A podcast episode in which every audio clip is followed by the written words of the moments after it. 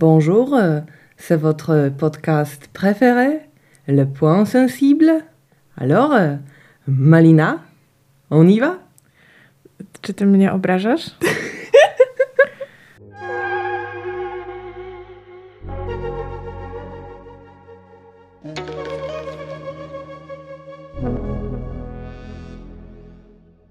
E, No, bo chcemy dzisiaj rozmawiać o mówieniu w obcych językach. Taki jest dzisiaj nasz, e, nasz temat. Odpowiadamy na e, zapotrzebowanie wyrażone na Instagramie. To też ja mam dwie strony notatek. Znów zasięgnęłam. No właśnie z przerażeniem patrzę na twoją część stołu, e, gdzie na czerwonym mm, wyściełaniu bieli się stos kartek zapisanych drobnym maczkiem. Ale z drugiej strony, czemu nie? Nie, nie będzie to pierwszy raz, kiedy spamujemy nasze słuchaczki i słuchaczy toną wiedzy mm, przydatnej tylko w niektórych kontekstach. Nie, to nie będzie tak naprawdę to na wiedzy, ale cieszę się, że to powiedziałaś, bo dzięki temu e, nasze słuchaczki i nasi słuchacze wiedzą, że przygotowujemy się naprawdę, a nie, że tylko po prostu jolo i lecimy i wszystko z głowy. Nie no, chyba nikt co do tego nie ma żadnych wątpliwości, że my nigdy nie improwizujemy. Wszystko to jest precyzyjnie przygotowane, mm, opracowywane ze słownikami wyrażeń obcych. Ja bym chciała zacząć od e, podchwytliwego pytania. O nie, najgorzej. Dobra, dam się podchwycić. Malina, ty znasz angielski? Tak. A nie dało się złapać. Myślałam, że zaczniesz tutaj, wiesz, rozkminiać, że no, w sumie to znam, ale tak kurde, no tak nie w każdym precyzyjnym szczególe. Ile, w jakim procencie po prostu. I speak English A mm, czy czujesz się, fluently at times. a czy czujesz się swobodnie, jak e, rozmawiasz po angielsku? Especially after second beer. A przed tym drugim piwkiem? Em, mam takie różne doświadczenia, bo jednak pracuję w tym języku często, Mhm. że jeśli mam długą przerwę w mówieniu, to przychodzi mi to opornie przez pierwszych parę godzin i mm, długo się zastanawiam nad konstrukcją zdania, szukam słów i im bardziej jestem zmęczona, też tym trudniej mi to przychodzi. Mhm. E, I jak tak powoli, powoli mówię, to mam wrażenie, że osoby, które mnie nie znają i pierwszy raz mnie słyszą mówiącą, mają wrażenie, że jestem generalnie osobą myślącą bardzo powoli.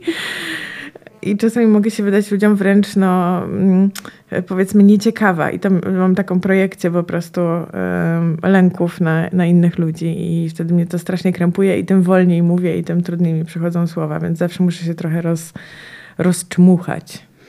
Tak, a to jest w ogóle, y, zgadzam, w sensie też to mam i myślę, że w ogóle to jest jakiś ogólny mechanizm, że jak y, nie mówimy jakoś y, naprawdę super, już nie jesteśmy te ro, rozbiegane po prostu na 20 kilometrze maratonu w języku, którym, nie, który nie jest tym, którym się posługujemy na co dzień, to po prostu czujemy, że, że tego dowcipu nam brakuje, wiesz, tego A, no skrótu tak. myślowego, który mamy w języku ojczystym.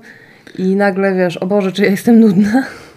Tak, ale też z dowcipami mm, to jest tricky, dlatego że jak rozmawiamy po angielsku z osobami, dla których angielski nie jest pierwszym językiem, to one w pierwszym odruchu mają takie wrażenie, że nie zrozumiały tego, co ja chcę powiedzieć, a nie, że to jest żart. A, okej. No W tak. sensie w języku polskim też to mam. Oczywiście, bo moje żarty bywają specyficzne, ale po angielsku to się tym bardziej jeszcze uwypukla, że wszyscy są tacy sceptyczni co do tego. Zaraz, zaraz, a ja powiedziałam, it was a joke, it was a joke też. Żeby tak już rozluźnić tę atmosferę. Uznajmy moją porażkę, przejdźmy dalej. Czy ty widzisz jakieś e, różnice, że ci się na przykład swobodniej rozmawia z ludźmi, na przykład, nie wiem, tam z Szwedami, e, Hiszpanami, Francuzami, po prostu ludźmi, którzy, dla których angielski też jest drugim językiem? Francuzi nie mówią po No angielsku. to się, zgo- to się zgodzę. To jeszcze chyba zrobię w końcowej części jakiś rancik, ale zostawię sobie na deser. No właśnie. E, czy, no. czy właśnie z, jakby z native speakerami, czy, czy na przykład masz jakiś stres przy Polakach? Dużo lepiej mi się rozmawia z native speakerami amerykańskimi, Mhm. e, dlatego że dużo lepiej czuję ten język i mam dużo więcej kontaktu z nim. Em, ale amerykańskimi raczej nie, e, nie z językiem e, slangowym. Mhm. Pamiętam moje pierwsze podejścia do The Wire. Ja wiedziałam, że to jest znakomity serial, ale to było jeszcze w czasach, kiedy nie było napisów do seriali i, i po prostu oglądałam to i próbowałam to kurde zrozumieć. I to była taka ściana tekstu dla mnie, jakby ktoś mówił w zupełnie innym języku. Natomiast jeśli chodzi o brytyjski, to tutaj jest wiele pułapek. Mhm. E, bo niektóre słowa znaczą coś zupełnie innego i oni są też bardzo przywiązani do swoich różnych idiomów, że trzeba je znać i no i tutaj bywa ryzykownie i też jest kwestia jakoś tam akcentu, nie? Że mi się to miesza czasami, mm -hmm. że po mhm. prostu mówię jakimś takim brytyjsko-amerykańskim, już w ogóle się gubię strasznie, w jakim języku ja próbuję się komunikować. E, chyba u e, Vonegata jest taki... E takie pojęcie się pojawia angielskiego transa, transatlantyckiego, uh-huh. czyli takiego, który jest w sumie, wiesz, ani taki, ani sraki, ani australijski, ani żaden. Tak. Tylko jest jakimś takim generycznym e, esperanto-angielskim akcentowym. O Jezu, tak, ale jeszcze mam trzeci tryb mówienia z polskim akcentem po angielsku i to mi się włącza zupełnie randomowo, nie mam nad tym żadnej kontroli. Jakoś chyba w momentach, kiedy podejmuję decyzję, że no i tak nie doskoczę do tego poziomu um, native speakerstwa, więc już nie, niech nie udaje i po prostu wtedy mówię, wiesz. You just speak uh, as you would speak uh, i w coś tam. Yes. No i tak, ale też zdarzało mi się, szczerze mówiąc, spotykać, ale to było wiele lat temu w jakichś takich bardziej hostile e, kontekstach. Zdarzało mi się być oceniano za to, jak źle mówię po angielsku. Mhm. E, I to w takim jakimś trybie wyszydzania. Pamiętam, Ale... że kiedyś byłam na mhm. jakimś, takiej, jakimś takim spotkaniu projektowym międzynarodowym i była tam dziewczyna z Czech, która była super biegła, nie wiem z jakiej przyczyny w zasadzie, bo Czesi wcale nie mówią tak super po angielsku, ale ona akurat była w tym świetna. I no, nie, niemiła była. Aha. Dla, dla siostry Słowianki? Dla, dla siostry Słowan, Słowianki, no. Ale po prostu wydaje się, że w każdym w każdym narodzie znajdzie się jedna czarna taka owca. czarna owca, więc może spuśćmy na nią zasłonę milczenia już. No. Powiedzmy, że już nie będę wspominać do końca życia upokorzenia, którego doznałam z jej strony. Ja mam wrażenie, jak na przykład jestem w takich grupkach e, na, na Facebooku, nie wiem, e, typu na grupie Give Her a Job, czyli grupie, gdzie tam dziewczyny szukają pracy i oferują pracę i wrzucają swoje CV do poprawki. Tam wiadomo, taka grupa kobieca e, prozawodowa. Mm, to bardzo często się tam przewija, jeżeli w tych CV wchodzi kwestia znajomości języków obcych, że na przykład dziewczyny piszą e, znam angielski na B2 albo tam na B1, e, ale no boję się mówić. I to jest w ogóle, myślę, że częsty mm. w ogóle problem, że ludzie niby te języki znają obce, mm. ale się wstydzą. Że przed innymi i przed sobą po prostu wyjdą na niekompetentnych, na, na, na takich, że, że dukają, że ten akcent nie taki, że, że pomylą coś, że tak, tak, tak, ale mam też wrażenie, że to dużo zależy od, y, od jakiegoś kontekstu, w jakim się uczysz tego języka. Ja, ja przynajmniej pamiętam, że po prostu nasz nauczyciel niemieckiego nas jakoś tak terroryzował i to mm -hmm. no bez przesady, ale że te lekcje nie były najmilsze. Mm-hmm. Mm, I po prostu za każdym razem, jak próbowałam i próbuję do dzisiaj coś powiedzieć po niemiecku, to widzę jego taką chmurną postać takiego wielkiego, wiesz, byka. Sprechen Sie bitte! I Ut, utkwił, utkwił, ale nie tak jak chciał może. No, no tak. tak, więc z niemieckim miałam spory problem i pamiętam jak poszłam na, na studia drugie yy, i tam na, na Akademii Muzycznej mieliśmy właśnie niemiecki jako lektorat I ja tak właśnie skromnie tak powiedziałam, że to tak ledwo, co tam w ogóle. A ta nauczycielka była taka po kilku lekcjach, że tak Magda, przecież ty wszystko rozumiesz. Co to jest w ogóle za fałszywa skromność? Ja mówię, że zupełnie nie. Ja byłam po prostu przekonana o tym, że jestem totalnym debilem niemie- z niemieckiego. No. No jakby pozdrawiam, nie? W ogóle e, to, że to, ten system jakiś uczenia języków obcych, który polega na tym, że że uczysz się po prostu tej pewności gramatycznej non-stop i, i, tego kontaktu z, z, faktycznie z, jakąś, z jakimś żywym językiem jest tak mało i ciągle ten nacisk położony na poprawność, poprawność to jest w ogóle jakiś killer y, pewności siebie.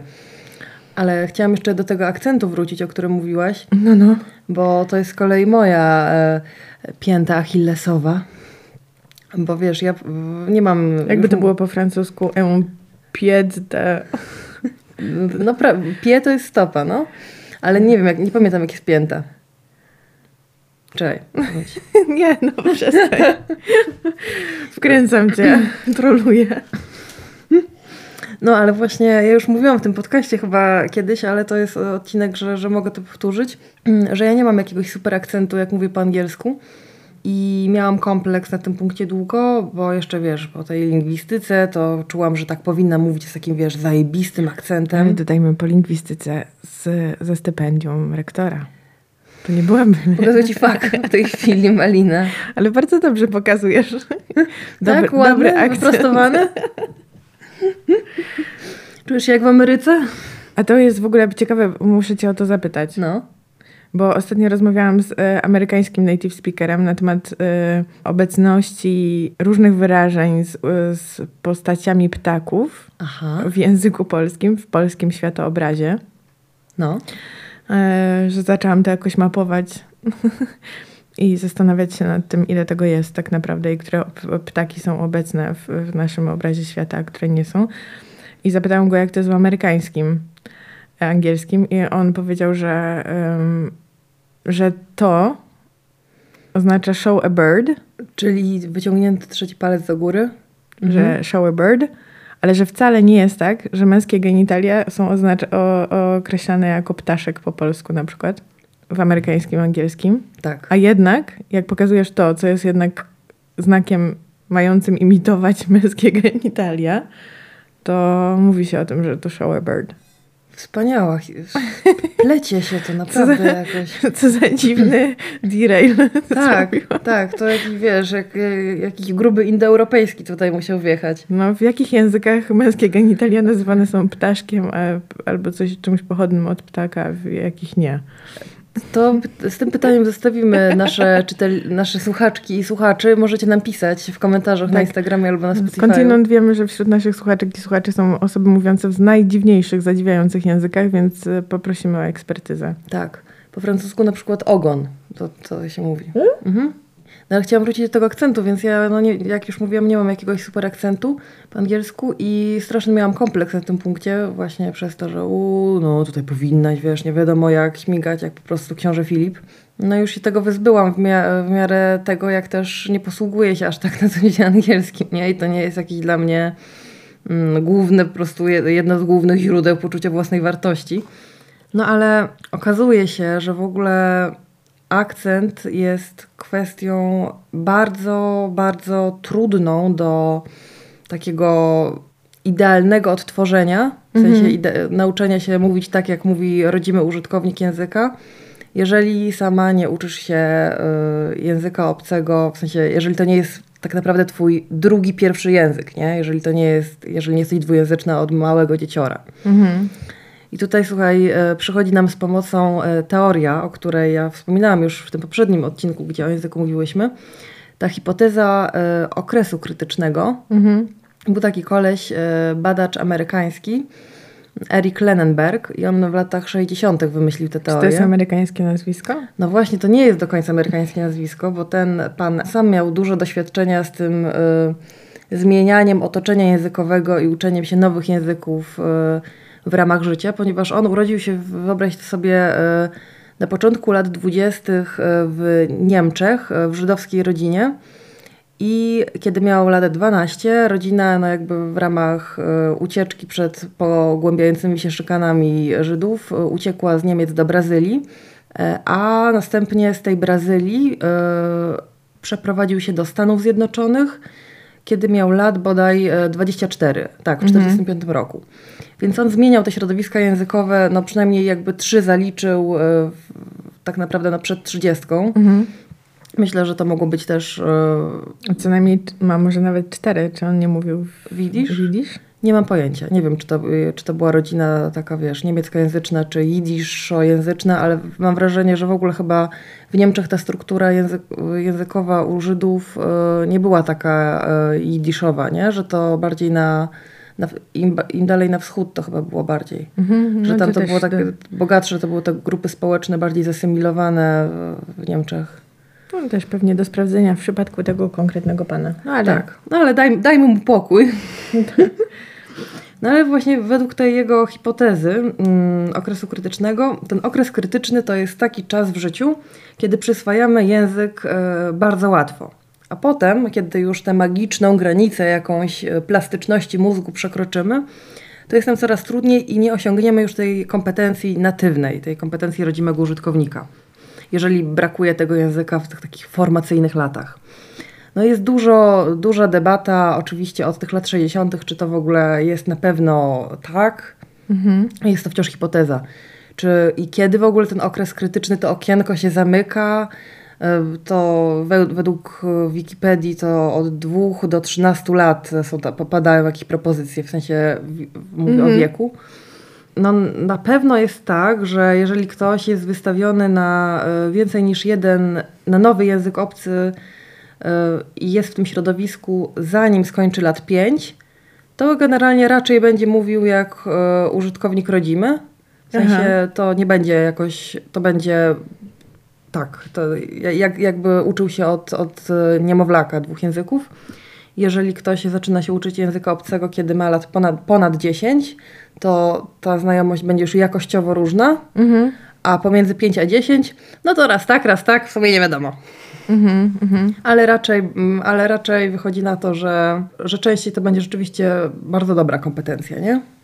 No to ja słyszałam coś podobnego w odniesieniu do tych matryc yy, mózgowych yy, odpowiedzialnych za w ogóle przetwarzanie dźwięków i znaczenia językowego, yy, że mm, to dotyczy też y, właśnie tych języków, których y, tonalność ma znaczenie mhm. że na, tak naprawdę nauczenie się ich w wieku dziecięcym gwarantuje też na przykład to, że człowiek jest po prostu dużo bardziej wrażliwy na wysokość e, dźwięków i w związku z tym większy odsetek osób mówiących w językach tonalnych ma słuch absolutny, czyli taką umiejętność określenia e, precyzyjnej wysokości dźwięku bez odnoszenia tego do innych dźwięków. Do innych dźwięków, czyli że się słyszy taką bezwzględną. Po jednej nutce jedna nutka i ty wiesz, co to jest za nutka. Czyli właśnie odkryłyśmy sekret y, ogromnej liczby y, Chińczyków na konkursie szopenowskim. Nie, to, to jest dużo więcej składnych części Nie, akurat przy graniu na fortepianie to nie ma większego znaczenia, dlatego że po prostu masz klawisze i jak w nie uderzasz, to wydobywa się dźwięk i nie masz wpływu na jego wysokość. Mhm. E, natomiast przy różnych instrumentach e, strunowych, mhm. które nie mają progów, czyli na przykład skrzypce, wiolonczela, kontrabas to ma bardzo duże znaczenie, żeby słyszeć jakby precyzyjnie, mhm. jakiej wysokości ten dźwięk jest, bo, no, no bo nie masz jakby to, gdzie położysz ten palec na strunie, to zależy od ciebie, a nie od tego, gdzie cię jakby mechanizm skieruje.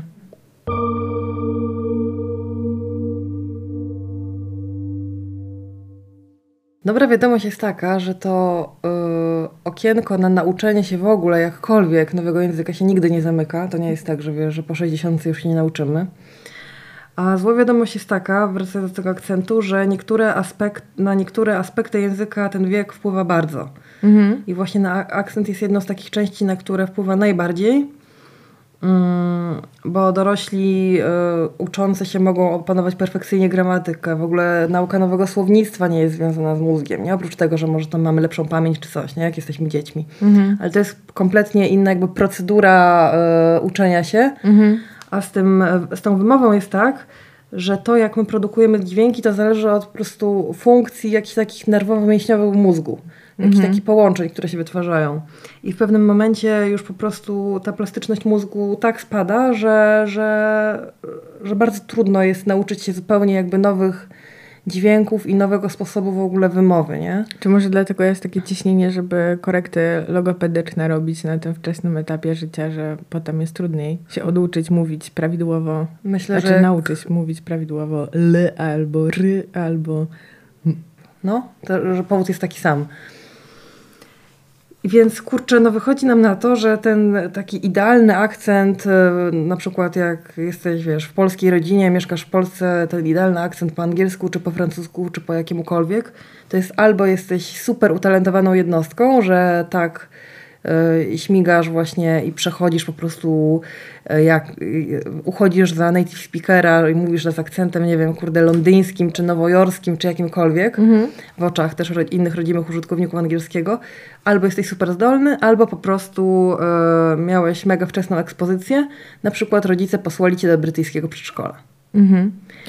A właśnie ciekawa jestem, czy tylko jest tak, że jakby język natywny wpływa na zdolności muzyczne, czy też na przykład odwrotnie jest, że jeśli y, człowiek się uczy grać na instrumentach i w ogóle jakoś tak dużo operuje w świecie dźwięków, to też będzie lepszy w udawaniu rozmaitych akcentów. Nazywam to udawaniem, no bo... Kurczę, wiesz co, tak intuicyjnie się wydaje, że niby tak powinno być, nie? Mhm. Wydaje mi się, że, że mogłoby, ale też znam dużo osób, które są super utalentowane muzycznie, a mają problem z nauką języków obcych. Więc ciekawa jestem, gdzie to się tam przecina. Może ale to, jest... to już pytanie do innego rodzaju ekspertów. Ty, a może to jest na przykład tak, że ta, ten talent muzyczny i dobry słuch muzyczny nie sprawi, że nagle zaczniesz perfekcyjnie wymawiać konkretną głoskę, której nie ma w polskim systemie mhm. E, fonologicznym czy fonetycznym, ale na przykład lepiej złapiesz e, prozodię języka, czyli te melodie, wiesz, e, gdzie pytanie idzie do góry, gdzie jak po prostu ten... To, to może. Nie wiem, ale to ja sobie tak teraz z dupy dywaguję. Wydaje, wydaje mi się, że tak. Mogą być też różnice pomiędzy na przykład umiejętnością słyszenia rzeczy i umiejętnością jakby wypowiadania że tu może być problem. Mhm. Ktoś może od, odróżniać melodie poszczególnych tam języków, a nie szczególnie je odtworzy. Sam nie zagra. A sam nie odtworzy. No ale to zostawmy to. Ja w ogóle mam wrażenie, że takie jakieś e, fetyszyzowanie takiej, takiej świetnej znajomości języka obcego i też świetnego akcentu, że o, on tak mówi jak prawdziwy tam Brytyjczyk, nie? O, a ona tak w ogóle, wiesz że, nie, w ogóle nie widać, że jest polski. Tak, że my potem w ogóle oceniamy e, znajomość języka też, e, w sensie biegłość, nie? Poziom znajomości innych. To największe wrażenie na nas robi akcent. Ktoś może mówić jakby super prostymi zdaniami i robić błędy gramatyczne, ale jak brzmi, jak brzmi jak po prostu Brytyjczyk, to jesteśmy, mm, no zajebiście mówi, mm. Tak, ja ostatnio skojarzenie zupełnie z innej, z innej bajki, ale widziałam na, gdzieś tam na grupce śmieciarka jedzie, ktoś oddawał buty. Mhm. E, jakieś takie na wysokim... Były to buty Clarks. Nie, były to jakieś na wysokim obcasie buty, jakieś wyglądały na mega niewygodne. I ta laska, która to oddawała, powiedziała, że napisała coś takiego, że ja nie mogę w tym chodzić. Co prawda mąż mówi, że y, tak, to, tak to się kończy, jak wiejska stopa próbuje chodzić w miejskim bucie. I coś tam, taka roześmiana buzia, coś tam, wiesz, emotikonka i sobie pomyślałam, kurde, jak ludzie sobie jadą, nie? Mhm. W sensie za to pochodzenie.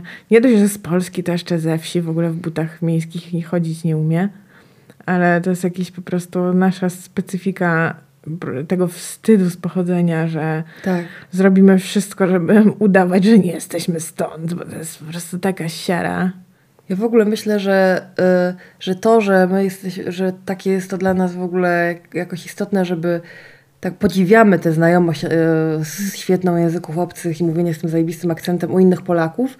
Po pierwsze dlatego, że to jest oczywiście takie, że, że nam się to kojarzy z tej światowością, z tym, że tutaj wiesz, cała historia transformacji ustrojowej, ktoś zajebiście mówi po angielsku, a nie tam wiesz, no, no. a nie no. duka po rosyjsku. To nam się kojarzy właśnie z jakąś klasą średnio wyższą.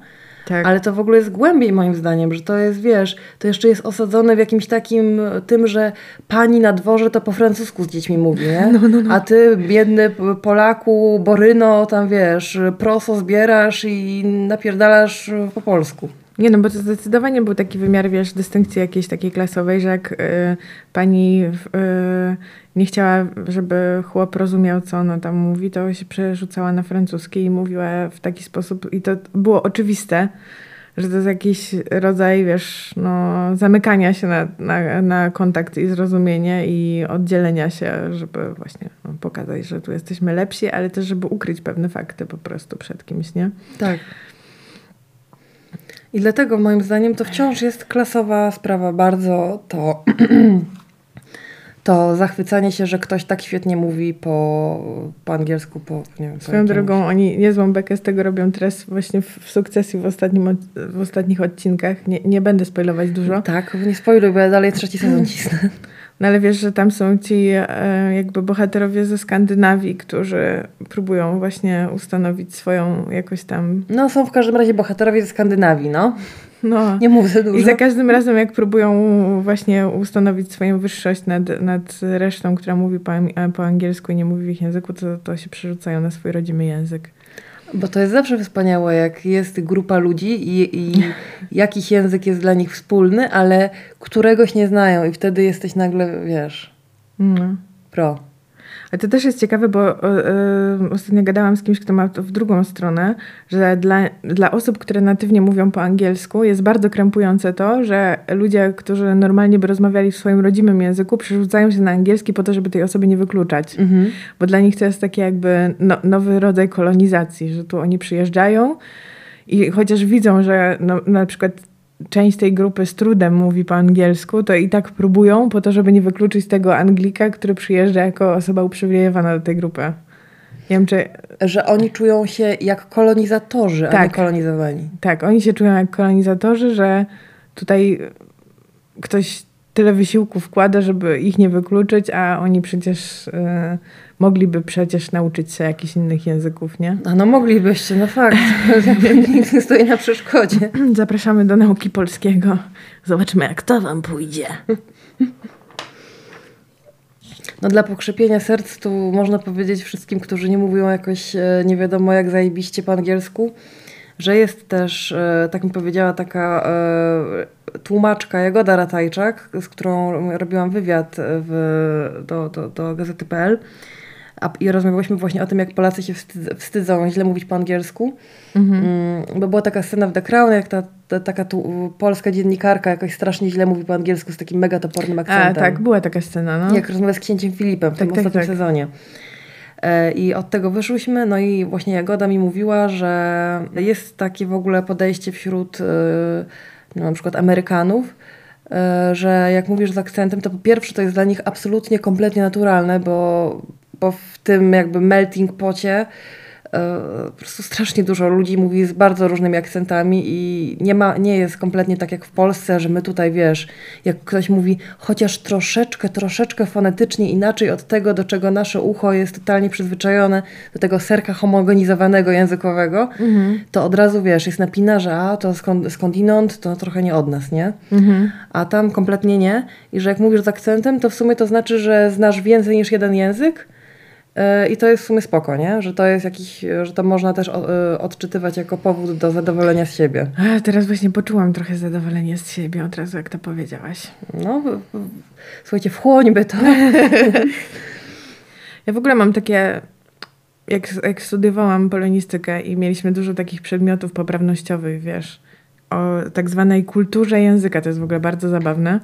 Ja, to się nazywa kultura języka, a jednocześnie jest to nazizm języka, czyli po prostu jakaś taka nauka w, w, w, w głównej mierze tego, jak że niektórzy ludzie mówią trochę inaczej, ale ktoś uznał to za niepoprawne. W związku z tym w słowniku znajdziesz, że to nie jest forma e, oboczna, tylko jest to forma nieprawidłowa i należy to rugować z języka jakoś im więcej w tym, nad tym spędzałem czasu, a było to naprawdę mozolne, w sensie jakieś takie, wiesz, nauka jakichś zupełnie case'ów y, randomowych o słowach, których użyjesz może raz w życiu na dyktandzie. Y, I nie chodzi mi o nazwy ptaków. O, dokładnie pomyślałam grzegżółka, totalnie jakby wiesz, serio. No, ale jakby rósł we mnie taki bunt, że bo mieliśmy też inne przedmioty, nie? Na przykład y, właśnie um, takie, które opierały się na, na tym, że jeździliśmy w teren i uczy, jakby i nagrywaliśmy to, jak ludzie mówią w jakichś takich jeszcze um, ludowych, powiedzmy, mhm. regionalnych odmianach um, naturalnie przy, przyswojonych je, języka polskiego. I wydawało mi się to jakieś takie strasznie przemocowe, że w sumie język, tak jak oddychanie, tak jak mieszkanie, tak jak, nie wiem, jedzenie, powinno być prawem każdego człowieka. Mhm.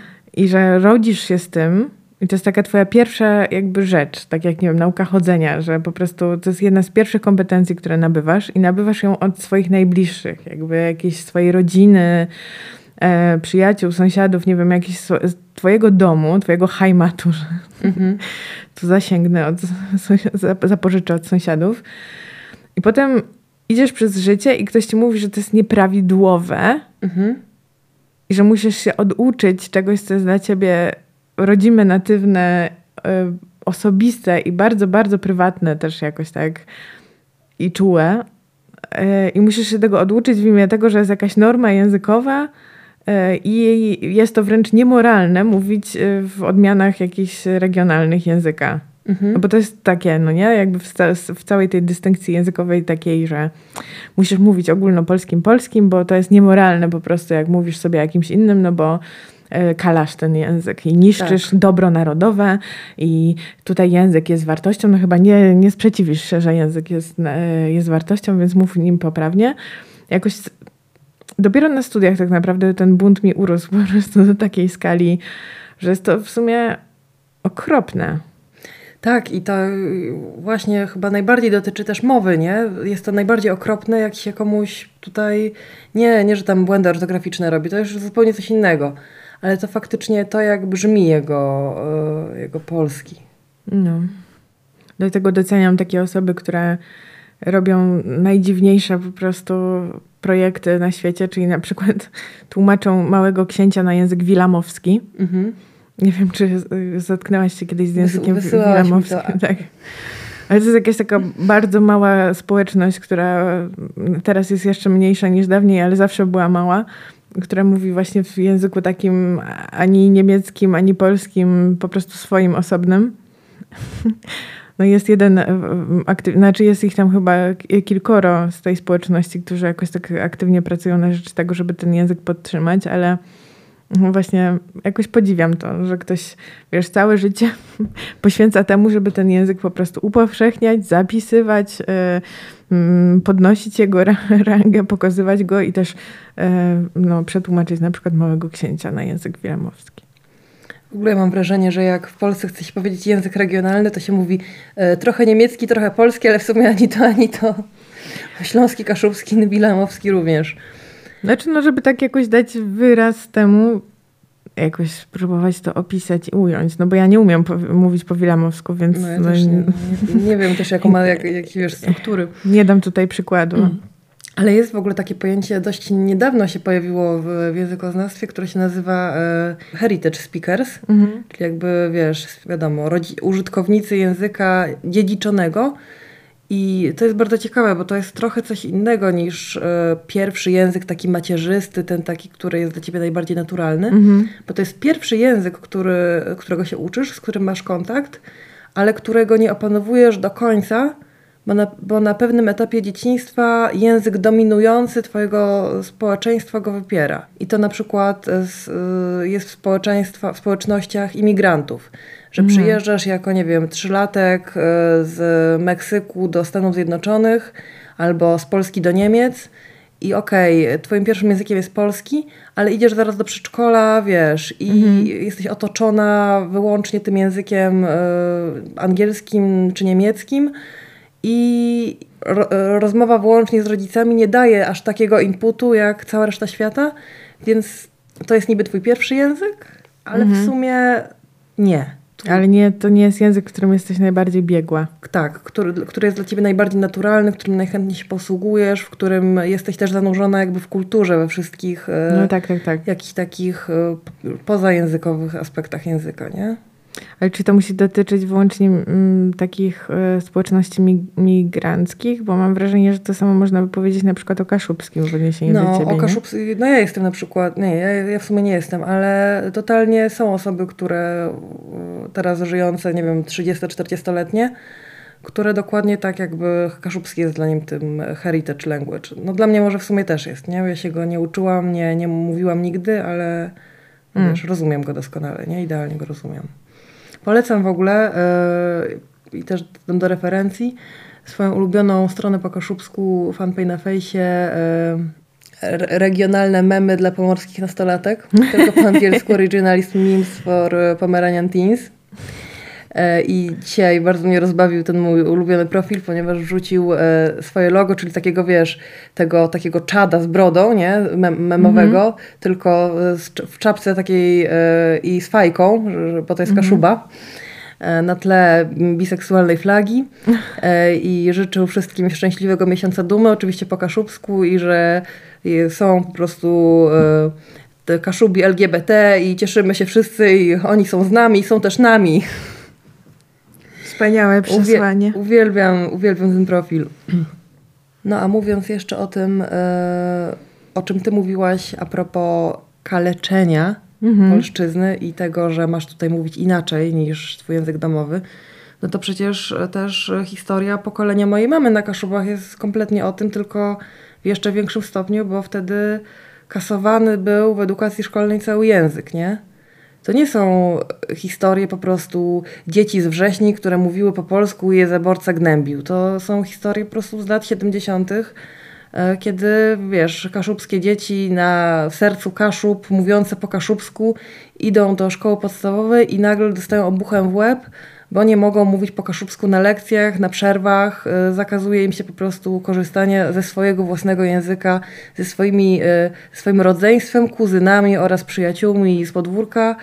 Nie, I to nawet jest, to jest straszne. Ja nawet nie potrafię sobie wyobrazić, jak bardzo jest to przemo... Znaczy, potrafię sobie wyobrazić, tylko że mam wrażenie, że jakoś tak w edukacji e, powszechnej ten obraz wynaradawiania jest taki jakoś bardzo mocno powiązany z nazistowskimi Niemcami, nie? Że tam po prostu się stał ten gestapowiec i zabraniał dzieciom po polsku mówić, albo z kolei w odniesieniu do rosyjskiego zaborcy, nie? Tak. Też, że, że nie wolno było. No, a tutaj mamy taką historię w sumie nasi naszym. Tak. Zgotowali ten y, los. I wiesz, i... Y to jest szokujące dla Polaków, jak na przykład usłyszysz, że to Polacy polonizowali na siłę e, osoby, które posługują się innym językiem. Nie?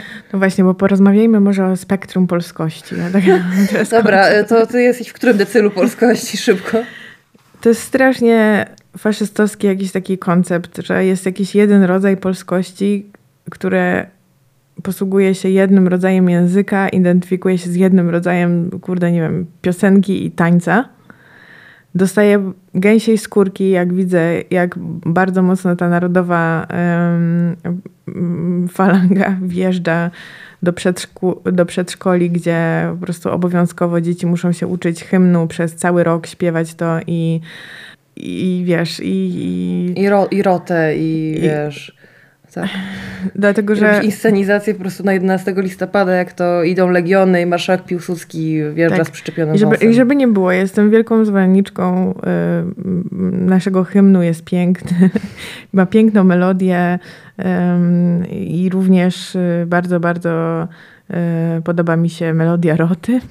Niemniej jednak po prostu uważam, że za mało jakby w tej edukacji powszechnej poświęca się przestrzeni na to, żeby właśnie uczyć o różnorodności. I ja nie mówię tutaj o różnorodności wyłącznie z podtęczowej flagi, ale też takiej właśnie różnorodności na przykład języków czy kontekstów kulturowych, bo kurczę, pojedziesz, wiesz, za, za te rogatki Warszawy i się okazuje, że wiesz, dosłownie 50 kilometrów dalej. Ludzie mówią w Gwarze Mazowieckiej, która brzmi zupełnie inaczej niż język, e, znaczy może nie zupełnie inaczej, brzmi po prostu inaczej i obco.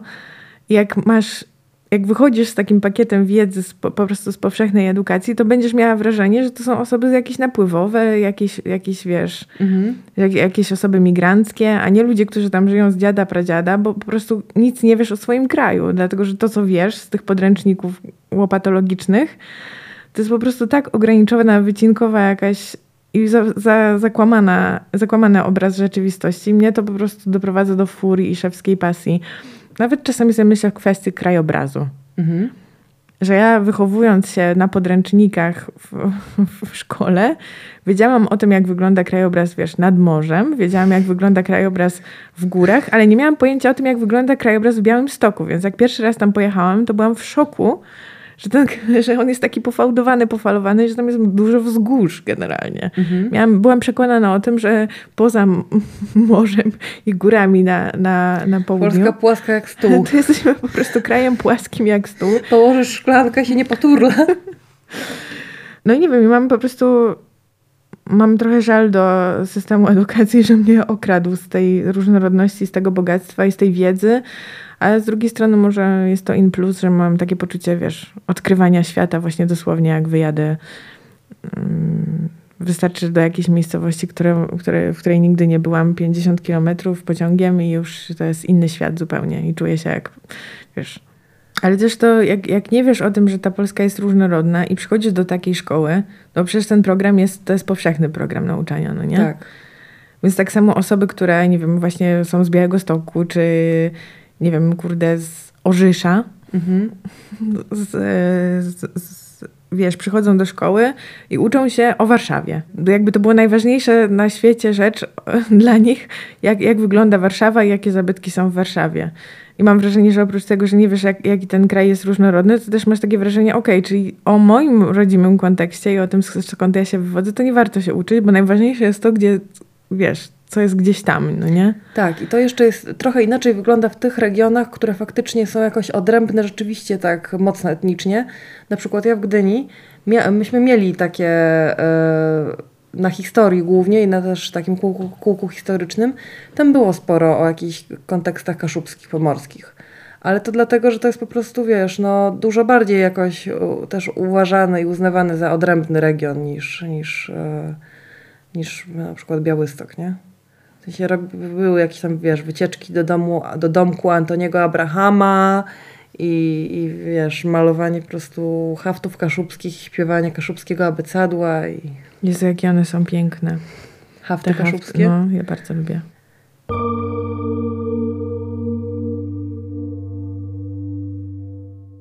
Ale co o tym języku, bo miałyśmy o języku. Hafty kaszubskie. Daję kobietkom temat. Zaraz zacznę haftować. Słuchaj, e, to ja otwieram nowy temat. Otwieram temat e, Polacy kręcą beka z angielskiego polityków. Pamiętam e, taką sytuację, która w ogóle no, wstrząsnęła, bo ile uważam, że istotnie, jeżeli wybierasz się do Europarlamentu, to fajnie, jak mówisz też w językach innych niż polski. Oczywiście to pomaga bardzo, to pomaga ci być skuteczniejszą osobą, bo jakby polityka nie dzieje się tylko na sali plenarnej, wiesz, gdzie są tłumacze symultaniczni, to jest jasne. Ale był taki pomysł, który wysunął Krzysztof Gawkowski. E, on chciał zorganizować debatę polskich polityków, kandydatów do Europarlamentu po angielsku. Czaisz to? No rozumiem chyba skąd to się bierze. No, co się bierze z tego, że czujesz się lepszy klasowo od tych dukających pisowców. I że niby czujesz się lepszy klasowo, ale też yy, to jest takie typowe dla kraju peryferii, nie? Tak, ale wydaje mi się, że akurat jeśli już w ogóle oceniać te strategie polityków, to zawsze trzeba mieć z tyłu głowy, że oni są świetnie świadomi tego, że naczelna zasada w polityce to jest divide et impera, mhm. czyli po prostu znaleźć jakiś taki punkt zapalny, który dla twojego elektoratu jest super e, istotny i mobilizuje twój elektorat przeciwko elektoratowi drugiej grupy.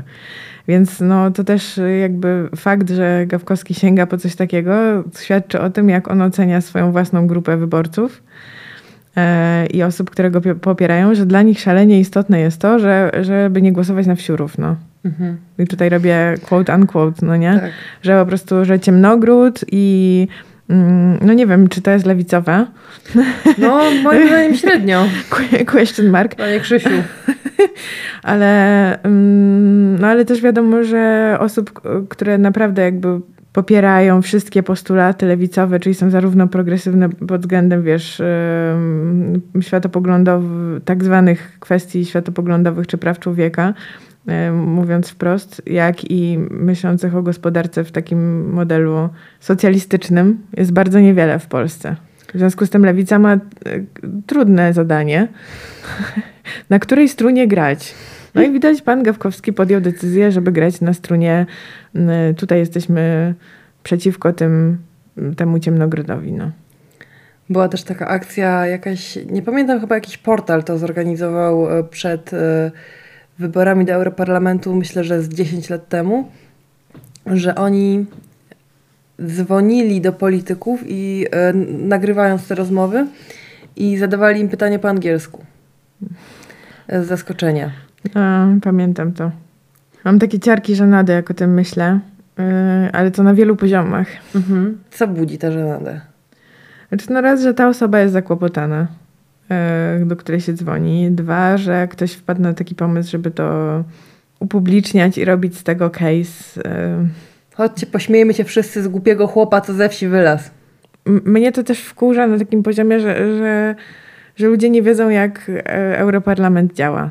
Tam jest mnóstwo zatrudnionych tłumaczy na, na wielu etatach, którzy pracują w pocie czoła dzień i noc po to, żeby te wszystkie osoby, które przyjeżdżają tam reprezentować swój kraj do, wiesz, do tych ciał europejskich, to żeby mogły się swobodnie porozumiewać w swoim języku ojczystym i no i nie wiem, i żeby ta legislacja też przebiegała po prostu w taki sposób, żeby wszyscy byli pewni za czym głosują. Co oczywiście to nie znaczy, że ja mm, uważam, że politycy, którzy nie mówią w języku angielskim płynnie, to akurat y, się bardzo wczytują w dokumenty, które są dla nich przygotowane po języku, w języku polskim, bo mm, to, to nie oznacza jedno, jedno drugiego.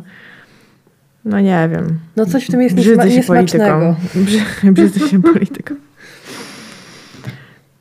Słuchaj, a czy ty się uważasz, że za osobę dwujęzyczną? Czy wielojęzyczną? Mm, Znaczy wiem, że w definicji jakby dwujęzyczności to wygląda trochę inaczej, no bo jednak musiałabym, żeby, się, żeby być osobą dwujęzyczną, się urodzić w rodzinie dwujęzycznej. Nie. A, albo...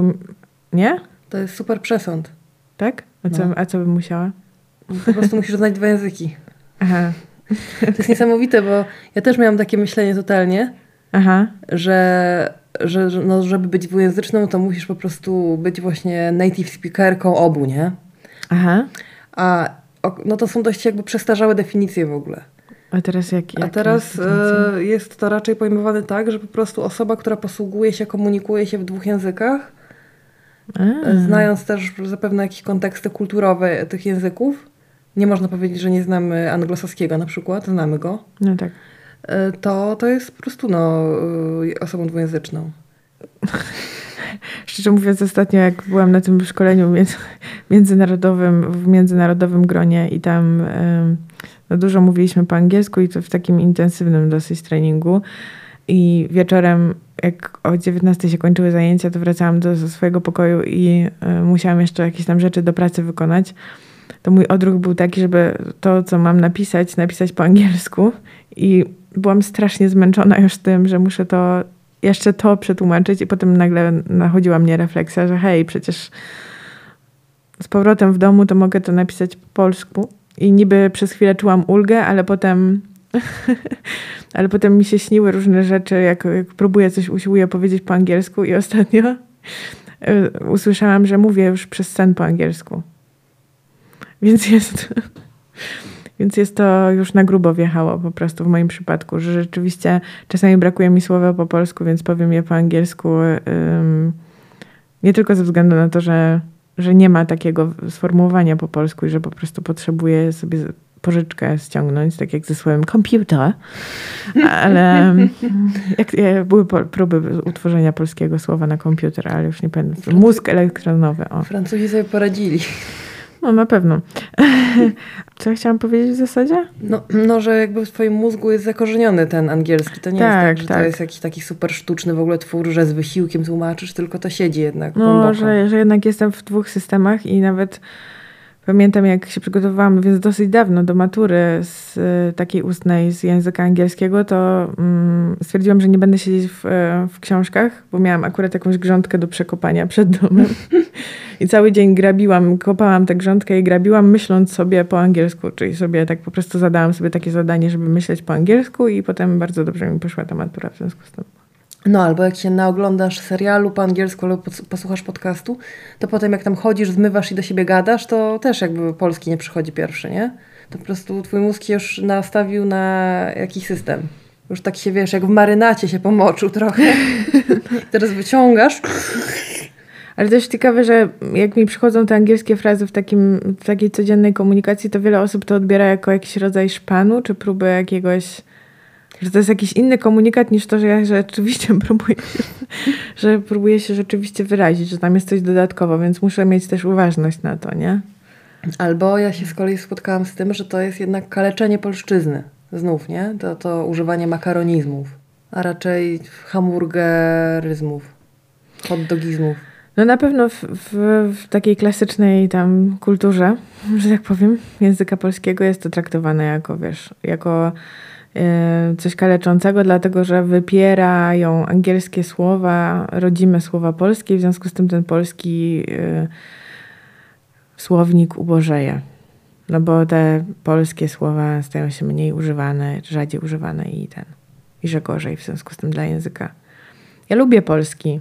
Ja też. Lubię rzadkie słowa po polsku. Polski dodaję do ulubionych. Jakby... Nie czytam, nie idę z tobą do łóżka. Naprawdę lubię polski. Uważam, że on ma wiele zalet i jest piękny i, i, i mój. Mhm. Ale też nie mam takiej jakiejś w sobie wielkiej, wielkiego, wielkiej troski o ten język. Może to źle. Że nie wkładam intencjonalnie wysiłku w to, żeby na przykład poznawać nowe słowa po polsku. No intencjonalnie to też nie, no ale jak przychodzi jakieś nowe, myślę, że i tak mamy duży zasób słów, szczerze.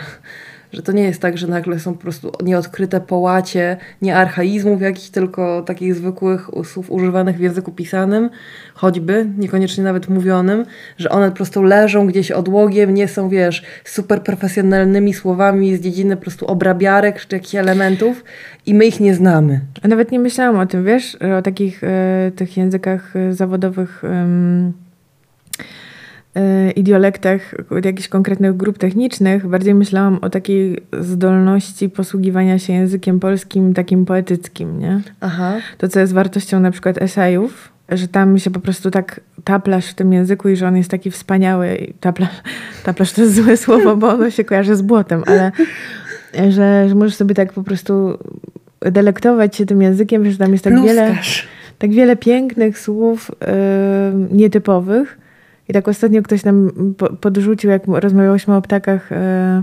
przypomniał e, 12 srok e, Łubieńskiego. Mhm. I to jest rzeczywiście taka książka, którą tam, jak przeczytałam ją w, tuż po, po premierze, to miałam po prostu taki zachwyt nad językiem, że bardzo rzadko w gruncie rzeczy spotykam się, żeby ktoś tak dobrze pisał po polsku. Mhm. W sensie, że no sama, sam ten język jest tak przyjemny. No, dla mnie to są takie, naprawdę uwielbiam z tego względu, nie wiem, czytać e, Szulca czy Leśmiana, że tam po prostu ten język jest taki... Ach. Wykorzystana jest jego w ogóle potencjalność. Jest to piękne. Ja wiem o co ci chodzi. To, też mam taką. Pod, tak, też uważam, że Leśmian jest piękny ale wiem, że chodzi o tę potrzebę, żeby też wykorzystywać w normalnej komunikacji słowa, które mamy o wiele, wiadomo, uboższy leksykon na co dzień słów, które, które używamy, niż słów, które rozumiemy, nie? No tak. I no to jest tak. na przykład fajne właśnie takie świadome wplatanie słów trochę rzadszych, trochę z jakiegoś, nie wiem, nawet pisanego leksykonu. Oczywiście nie mówię o tym, żeby mówić bowiem, e, albo wiesz, jakichś takich używać słów nie, nie wiadomo jak napuszonych. Dla mnie to jest męczarnia, szczerze mówiąc. W sensie, jak sobie zadaję takie jeszcze jak, jak pracowałam na uczelni i miałam właśnie prowadzić zajęcia, czy pisać teksty jakieś naukowe i że miałam czasami takie zadanie, żeby ten język był bardziej kwiecisty, o, to jest też dobre słowo. Mhm. I dla mnie to była męczarnia straszna i zawsze moja promotor mi mówiła, że ona jest zaskoczona, jak, jak prostym językiem ja potrafię napisać bardzo skomplikowane rzeczy. A rzeczywiście to jest jakaś taka cecha, którą mam, że mi jest bardzo trudno się przestawić na ten e, tryb mówienia. Bo to są w ogóle, mam wrażenie, różne rzeczy. Pierwsza to jest używanie bogatej polszczyzny, precyzyjne używanie precyzyjnych słów Aha. Y i też sięganie po jakieś słowa rzadsze. Druga rzecz to jest właśnie takie pisanie, napusz, czy mówienie napuszone, nafonfane z jakimiś, wiesz... Albowiem. Pu, pu, pu, pu, albowiem, wiesz, jak ten mi z mema puchatek, co siedzi w garniturze i z monoklem. A trzecia rzecz to jest używanie słów trudnych, ale takie, żeby jeszcze się popisać, że ty to jesteś intelektualistą, nie? No tak, tak, tak. I ciągle pojawia się w, twoim, e, w twoich słowach e, dyskurs, paradygmat i chuj wie co jeszcze. No nie, no masz rację. Przy czym mam wrażenie, że to jest jakiś jakby ktoś chciał przebadać mój mózg, że, że to jest coś na rzeczy po prostu. Z tym, że ja znam te słowa, ale jakoś nie przychodzi mi super łatwo. Ja myślę, że wielu chciałoby przebadać twój mózg. dziękuję. Ale no, byłoby to dla mnie ciekawe, żeby zrozumieć ten mechanizm. Myślę, że to, wiem, że to jest powszechne w ogóle, że to wszyscy tak mamy. Ale ty na przykład mówisz bardziej. Ale jak bardziej? No, że masz, mam wrażenie, um, używasz szerszego zasobu słownictwa niż ja. Nie hmm. powiedziałabym. Na pewno jest jakaś maszyna, którą można to sprawdzić. A jeżeli tak jest, w sensie nie wiem, czy tak jest, ale jeżeli, to to też może na przykład wynikać z faktu, że ja jakby zawodowo od lat kilku piszę po polsku, ale no, nie, że piszę rację. maile, tylko piszę teksty jakby publicystyczne, nie? Albo żartobliwe teksty pisałam, paro parodiowałam rzeczy w dzienniku. Więc jak wiesz, parodiujesz krzyżaków i używasz słów, w sensie generując własny tekst, to, to trochę więcej jakby jest w tym ciągłym obiegu w mózgu, nie? Też Masz rację. No ja przestałam pisać parę lat temu ładnych, więc to może być o tym też. Ale może być też o takiej nieufności wobec języka własnego. Mhm. Bo ja wiesz, jak, jak byłam dzieckiem, e, to, to bardzo dużo pisałam mhm. i swoich tekstów, jakiejś takiej tam twór, twórczości własnej. I dostawałam często jakby informację zwrotną od jakichś tam nauczycieli, że to jest niepoprawna składnia na przykład. Mhm. Że ja nie umiem poprawnie składniowo, więc miałam jakiś taki wdrukowany, co mi jeszcze się wzmocniło chyba przez studia. E, jakąś taką, taką nieufność wobec mojego naturalnego języka. Czy to jest możliwe? Że hmm. jestem nieufna wobec mojego własnego pierwszego języka? Totalnie tak. Totalnie tak. No to moim zdaniem totalnie można być nieufną wobec, wobec swojego skilla w polszczyźnie. E, jak ktoś ci mówi, że twój skill jest e, taki sobie, no kurde, to działa na wszystkich chyba w ogóle poziomach, nie? Hmm. Ja z kolei miałam, tak pamiętam, że dużo czytałam jak byłam mała i byłam raz u ciotki i bawiłam się e, jakimiś lalkami, wiesz, Barbie czy coś z kuzynką swoją starszą i użyłam e, spontanicznie e, słowa, które po prostu przeczytałam w jakiejś, wiesz, książce, nie? Jakaś tam nasza lalka złamała nogę, nie? No i ją tam ładujemy na coś, żeby ją tam przewieźć z tą złamaną nogą pacjentkę i ja mówię, no to tutaj mamy takie prowizoryczne nosze i Ada nie zrozumiała słowa prowizoryczne, e, więc e, moja ciotka e, przyszła do mnie później, kilka godzin później, usiadła ze mną na kanapie i mówi: Marta, ja mam do ciebie takie pytanie. No, już taka wiesz, co ja zrobiłam, nie? Kurde, mm. nie wiem, potłukłam, coś zniszczyłam, wiesz.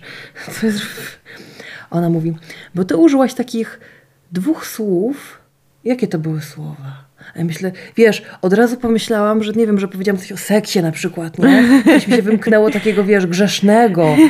I, i, i wiesz, po prostu spięta dupa jak dupa węża, że, że tu jakiś zaraz mi spotka jakiś opiew, że zrobiłam coś złego w ogóle, no. nie? Taka rozmowa poważna. I w końcu doszłyśmy do tego, o jakie to słowo chodziło. I ja mówię, nie, no nie wiem, ja to i taka już byłam wystraszona, że mówię, no nie wiem, no może ja wymyśliłam, może nie wiem. Mhm. Wiesz, jakby to było traumatyczne doświadczenie, że ktoś przychodzi i chce się dowiedzieć, skąd znam słowo, i potem rzeczywiście miałam y, w, te, w tej konkretnej sytuacji rodzinnej, jakby pilnowałam swojego języka, żeby on był prosty. Tak? Się przestraszyłam, tak. Że tutaj znowu będzie, że, że użyję jakiegoś słowa, a może tym razem nie trafię, a może tym razem, mm. wiesz, źle je zrozumiałam z kontekstu, jak je gdzieś czytałam. I już mówiłam po prostu słowami, które jakoś ograniczałam się, wiesz. To było prze, przedziwne. No tak, to ja pamiętam też z, z tamtego okresu, ale późniejszego mojego życia też, że ludzie mi zarzucali, że ja próbuję się wywyższać y, stosując jakieś takie słowa bardziej wyszukane. Ale to, to było, przychodziło mi zupełnie naturalnie, bo ja po prostu większość swojego życia spędzałam w książkach, więc y, to było tak, że po prostu czytałam, przyswajałam te słowa i one w naturalny sposób potem wypadały mi z buzi. Tak, bogaty język to jest akurat, to nie jest akurat wyróżnik klasowy, wystarczy biblioteka publiczna. No, ale... Znaczy też jest, oczywiście, ale nie musi być. No wiesz, okazuje się, że czytanie się dziedziczy. Bardzo trudno jest kogoś jakby nauczyć czytania dla rozrywki w pierwszym pokoleniu. Musisz mieć ten wzorzec z rodziny. To jest jedna z takich niewielu rzeczy, które są bardzo, bardzo dziedziczne podobno. To wychodzi w tych takich długo, długotrwałych badaniach czytelnictwa.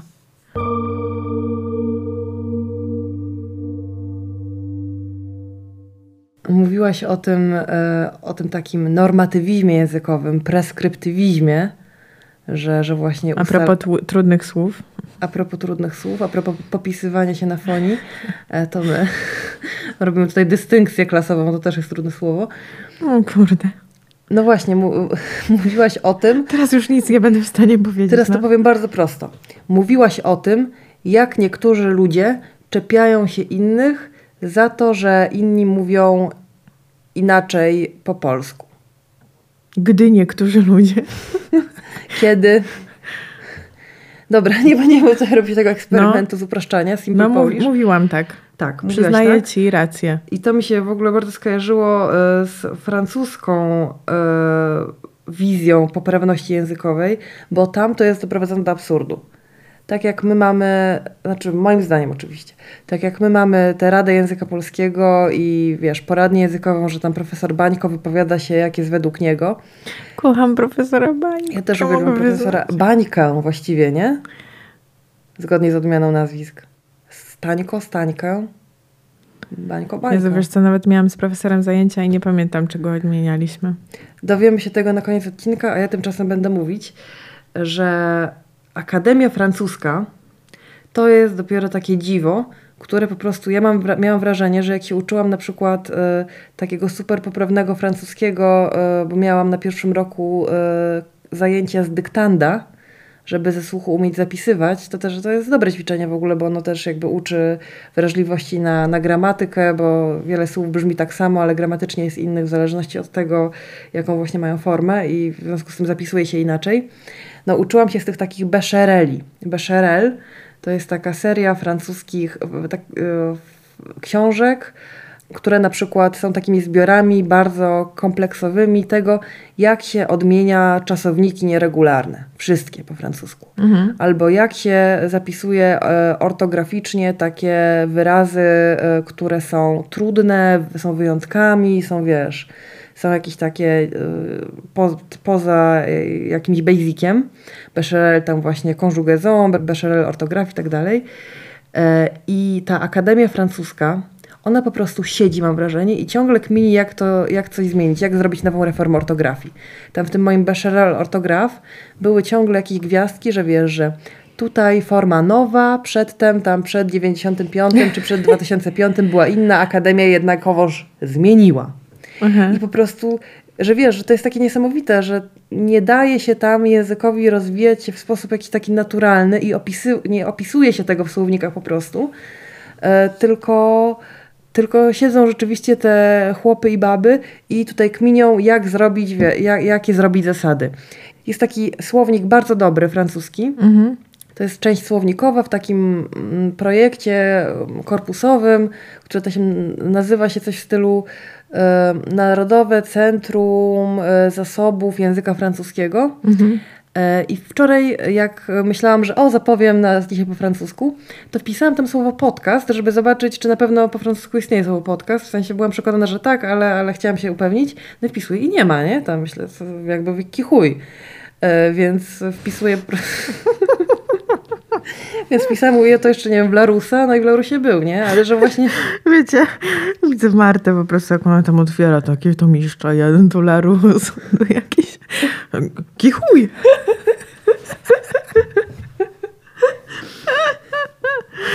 I właśnie bardzo się śmiałam, jak czytałam taką książkę takiego belgijskiego językoznawcy Gastona Dorena e, pod tytułem Babel w 20 języków dookoła świata. On tam e, opisał 20 największych języków świata, ale nie opisywał ich wiadomo mm, każdego tak samo, tylko dla każdego wybrał jakąś taką cechę konstytutywną tego języka, jakąś taką ważną, ciekawą. Aha. No i na przykład, nie wiem, portugalski opisywał tak, że to jest bardzo ciekawe, że Portugalia jest taka malutka, ale jest taki wielki brazylijski portugalski, nie? Aha. Rosyjski opisywał tak, że to jest ciekawe, że... Ciekawe jak to się stało tak w ogóle. Nie no, ale jakby właśnie te różnice, nie? Te nie, dominacje, no, rozumiem, no wiadomo, rozumiem, no. różne historie. Jak... Ciekawostka. Cie... Hmm. Kto wie? No. Może to ptaki migrując.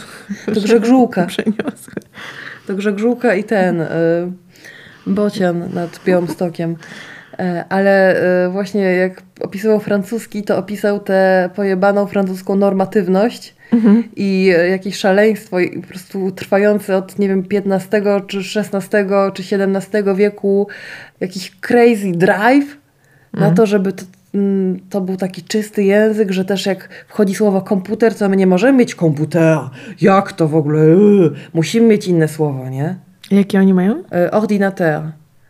No, ale właśnie no, yy, ten szowinizm językowy, który też jest yy, częsty we Francji, to on mnie w ogóle yy, po, powala mnie na, yy, na kolana po prostu, jak Francuzi, co mi się zdarzało, w rozmowie znający angielski dużo gorzej niż ja znałam francuski, upierali się na rozmowę po angielsku, żeby nie słyszeć, jak ja ich język kaleczę. Czy ja o tym już mówiłam w tym podcaście? No. Mówiłam pewnie. A mi trudno powiedzieć, bo mi mówiłaś, ale nie wiem, czy w Tak, podcaście. Mówiłam. No, pewnie mówiłam też w podcaście, ale po prostu na, naprawdę powiem, że jestem strasznie, strasznie jestem na to cięta, bo, bo uważam, że to jest jakieś takie podejście w ogóle do, do języka, do komunikacji, do relacji międzyludzkich, do, do tego właśnie, to, to o czym ty mówiłaś, do tego języka domu, do jakichś dialektów, do, do takich historii kompletnie indywidualnych, takie właśnie wsadzanie tego w sztance i jeszcze wsadzanie w to po prostu e, w tę taką ulepioną magmę przez e, wielkich mędrców z akademii, jeszcze po prostu sztandar wsadzanie, wsadzanie na tym jeszcze Marianny i to jest nasz wielki francuski język. Zajebisty. Taki sam. Ja bym w ogóle postulowała w podejściu do języka więcej luzu, e, który zresztą cechuje wspomnianego przez nas e, profesora Baniko. Baniko. Teraz bańko. uważaj, sp specjalnie po prostu wpisałam to, w, e, dlatego że nie ufałam swojej własnej pamięci. W sensie Mhm. byłam przekonana, że go nie odmienialiśmy.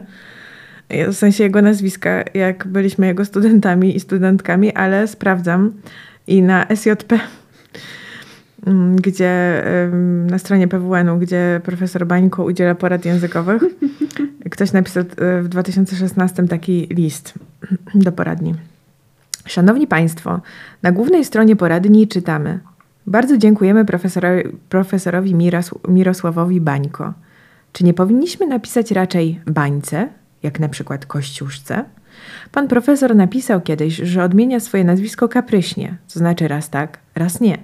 Ale taka pisownia na głównej stronie poradni językowej stanowi chyba antyreklamę. Jaki pojazd! Jaki Kapitalista jakiś. Łączę wyrazy szacunku, kropka. kropka nienawiści. I teraz odpisuje mm, e, profesor e, Katarzyna Kłosińska. Zgadzam się z panią, w nawiasie z panem, znak zapytania, całkowicie, wykrzyknienie. Choć profesor Bańko nie lubi, gdy się odmienia jego nazwisko, to wszyscy konsekwentnie to robimy i róbmy.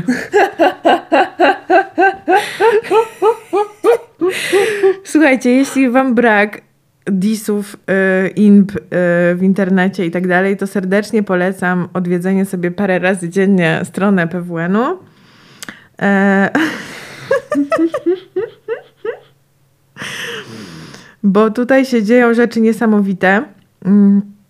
Jest zresztą taki fanpage chyba nadal na Facebooku, chociaż dawno go już nie widziałam, że cudowne riposty profesora Bańko.